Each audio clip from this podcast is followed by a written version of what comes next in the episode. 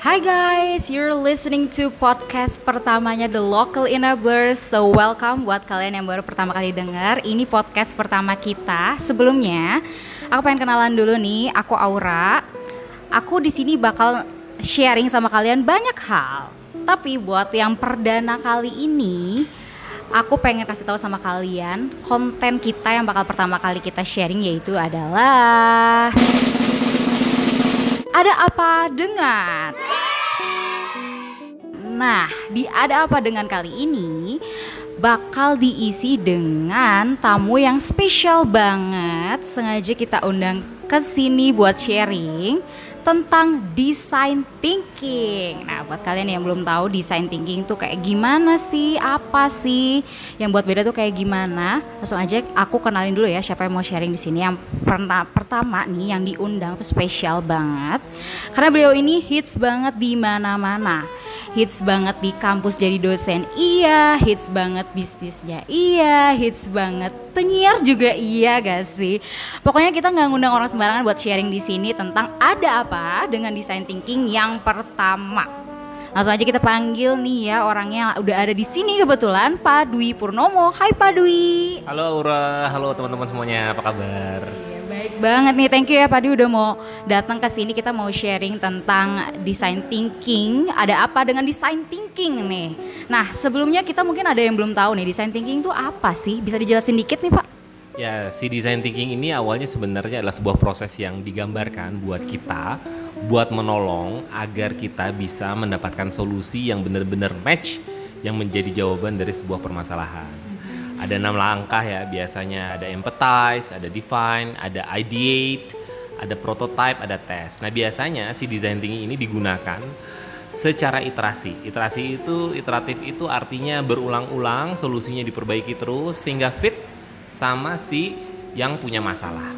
Nah, biasanya digunakan juga buat mengembangkan produk, ngembangin kebijakan atau apa pun yang biasanya diperlukan di tataran masyarakat.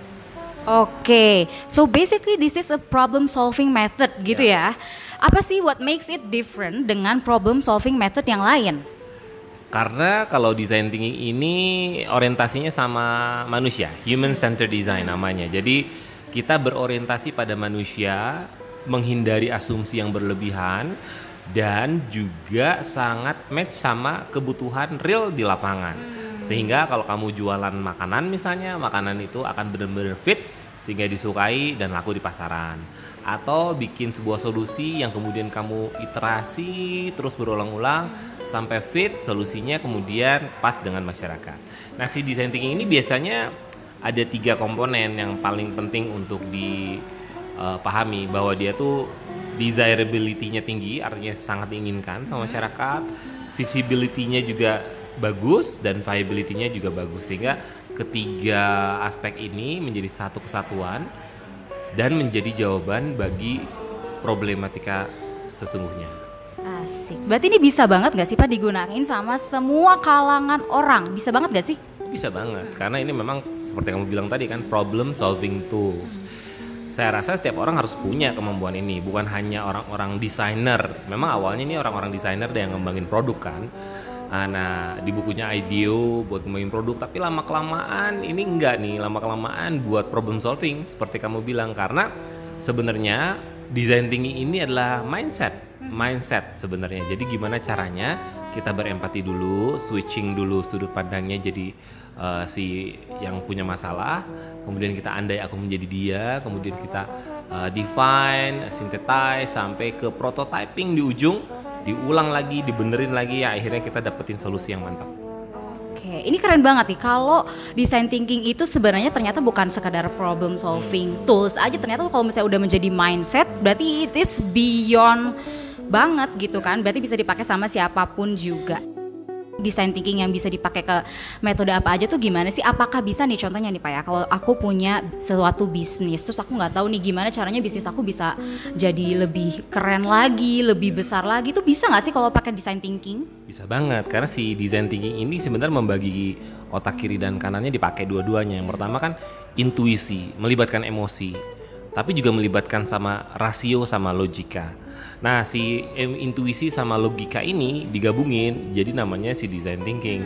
Jadi kalau kamu punya ide, ide itu bagus, kayaknya bisnis ini bakal laku nih.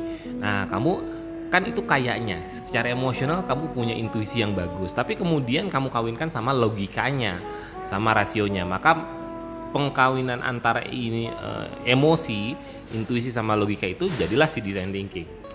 Nah, kalau si intuisi ini biasanya kita mulai dengan berempati. Berempati, kemudian juga kita tahu sudut pandang si pemilik masalah, mendefinisikan masalahnya, mengideasi, kemudian kita prototype, diulang lagi dari awal bener nggak nih empatinya sampai ke prototype, jadi solusi.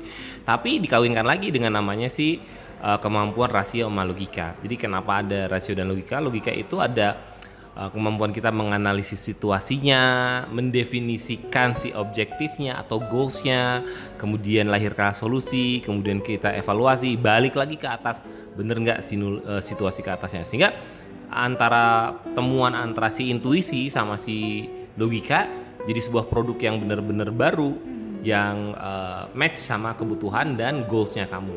Kebutuhan tuh kebutuhan pelanggannya, tapi kalau goalsnya goalsnya bisnis kita, Iya. jadi dikawinin gitu. Heeh. Oh, ini kan suatu hal yang keren banget sih Pak kalau misalnya bisa menyelesaikan masalah-masalahnya seperti seperti kompleks banget kayak gitu. Ini sebenarnya udah banyak banget orang yang tahu nggak sih kayak sayang banget nih ilmu yang keren banget, problem solving method dan mindset yang keren banget kayak gini. Udah banyak yang tahu belum sih sebenarnya kalau design thinking itu? Banyak yang tahu, udah banyak karena ini kan udah berkembang. Di Indonesia Di khususnya? Indonesia udah banyak yang tahu. Hanya saja challenge-nya adalah melakukannya dalam kehidupan keseharian. Nah, si design thinking ini banyak perusahaan udah pakai sekarang. Diperkenalkan juga banyak yang udah bisa, tetapi yang paling penting itu, yang paling susah di design thinking itu adalah proses pertama, empathize. Empathize kalau di sudut intuisinya, tapi kalau di logikanya kemampuan menganalisa itu menjadi penting. Jadi kan eh, itu dua faktor yang paling awal di design thinking yang paling challenging untuk membuat orang mau berempati karena kan dia sukanya egois, sudut pandangnya diri sendiri atau kemudian setelahnya kita menganalisa. Nah, proses menganalisa ini juga nggak bisa sendirian karena kita perlu orang banyak eh, faktor-faktor kolaborasi. Nah, sebenarnya design thinking itu menarik, hanya saja perlu dilakukan dengan beragam sudut pandang, dilakukan secara kolaboratif, open minded. Nah, itu yang masih jarang ditemuin di sebuah ekosistem. Kita memiliki ekosistem yang sempurna gitu bahwa kita punya eh, anak-anak yang open minded, mau kolaborasi, mau menerima pendapat, mau menerima sebuah kebaruan. Nah, itu challenging di design thinking. Kalau tahapan-tahapan sih bisa-bisa aja dilakukan. Cuma kualitasnya perlu dilatih sehingga setiap semakin sering kita pakai design thinking, semakin kuat juga kemampuan kita berempati dan juga melahirkan sebuah analisa yang baik. For sure nih. Tapi aku pengen tahu nih sebelumnya kita udah ngomong-ngomong sama tentang design thinking dari tadi. What is a design thinking for you? Untuk seorang Pak Dwi Iya. Purnomo ini apa sih design thinking bagi Pak Dwi itu? Eh, mungkin kalau orang-orang bilang dulu saya alpha kali ya, alpha tuh kayak dominan dan lain-lain. Tapi dengan design thinking ini Jadi pendiam gitu. jadi mulai meresapi, Oh, ngediem, mulai banyak, uh-uh. Kayaknya sudut pandang orang lain ini bener dan baik gitu. Ternyata ada sudut pandang yang lebih baik. Apalagi kalau kita berhasrat untuk memecahkan masalah, otomatis kepala kita tuh harus kosongin. Nah, si design thinking ini dalam fase pertama yaitu empathize dan juga synthesize itu tuh penting banget buat mau pertama switching sudut pandang. Apalagi kan kalau beneficiariesnya atau objek itu banyak, maka kita harus andai aku menjadi si A, andai aku menjadi si B, si C. Nah itu tuh switchingnya tuh butuh butuh lemparin ego kita. Yang Mungkin kedua, lebih ke try to understand each other gitu kali Yes, ya. uh, lebih dalam lagi kan. Kalau di design thinking itu sampai ke akar masalah tuh harus nge oh ternyata penyebabnya ini. Nah sampai uh, membuat sebuah proses uh, analisis situasi. Misalnya analisis situasi itu harus mau juga ngedengerin ahli-ahli yang lain, sudut pandang orang lain kemudian kita berbuat. Jadi kalau bagi saya design thinking itu sangat merubah karena jiwa kolaborasi, jiwa berempati, eh, ngerti kebutuhan orang lain itu jadi terasah jadi karakter individu. Dan ini menurut saya karena bermanfaat buat kita, maka kita harus sungguh-sungguh nih nyebarin si tools-tools ini buat disebarin sama orang lain. Wih keren banget nih Pak Dwi, thank you banget ya. Aku kalau misalnya mau belajar nih tentang design thinking yang lebih dalam, yang lebih mantep lagi gitu. Gimana sih Pak? Aku boleh dong dikasih rekomendasi gitu tempat belajarnya. Ya, kalau tempat belajar ada di rumah kolaborasi di The Oh, Local iya. Enablers bisa datang. Anak-anak di sini juga sedang dilatih uh, berbagai macam tentang design thinking. Tapi kalau literatur udah sangat banyak di di sana di luar sana kamu bisa main design thinking for educators, design thinking playbooks, design better business, IDEO dengan uh, buku-bukunya yang keren-keren atau beberapa penelitian yang udah kita pakai design thinking. Tapi yang paling mudah kamu datang ke rumah kolaborasi di di Jatinangor. Asik. Aku bisa belajar langsung ke Ruko The Local Enablers aja ya Pak. Kalau untuk sosial medianya mungkin aku bisa searching-searching dulu nggak di sosial medianya. Mungkin aku bisa baca-baca kan anak zaman sekarang nih Pak Gen Z. Itu sukanya ngeliatin HP ya, belajar lewat sosial media. Mungkin ada sosial media yang bisa kita kepoin dulu pertama gitu. Sosial media, kegiatan-kegiatan desain thinking kita itu selalu dilakukan di at the local enablers. Kamu bisa kepo-kepoin di situ. At the local enablers ini ada beberapa kegiatan, ada kiat-kiat, juga ada tools-tools pelengkap si design thinking. Karena design thinking ini juga nggak bisa di, berdiri sendiri karena dia harus disandingkan dengan beberapa tools pemikiran lain. Nah di situ ada atau kita akan segera melaunching sekolah pemberdaya. Jadi kamu bisa di mana pun kamu bisa download kanvasnya, bisa belajar apanya, bisa tanya-tanya sama kita. Tungguin aja tanggal mainnya. Wait, wait, wait. Sekolah pemberdaya. What is sekolah pemberdaya sih? Asik banget. Ada yang baru terus nih ya Pak ya.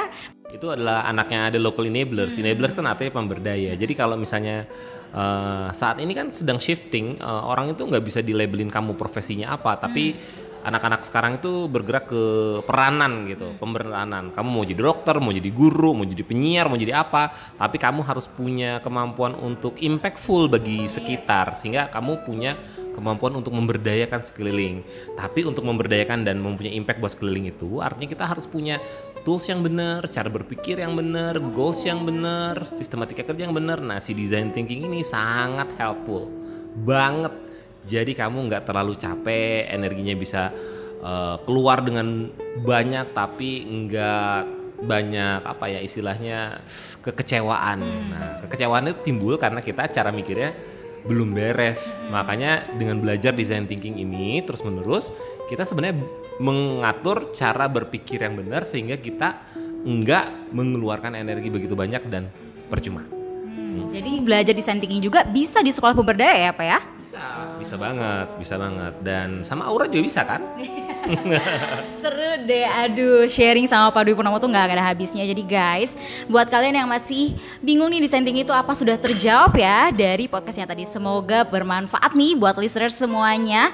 Jangan khawatir kita masih bakal upload lebih lanjut ada apa dengan desain thinking yang lain. Pastinya bakal lebih seru juga ke depannya. Jadi terus pantengin aja podcastnya di podcast The Local Enablers dan jangan lupa juga di follow ya Instagram kita di @thelocalenablers for more information. So maybe that's all for today. I'm signing out. Thank you guys for listening. Bye.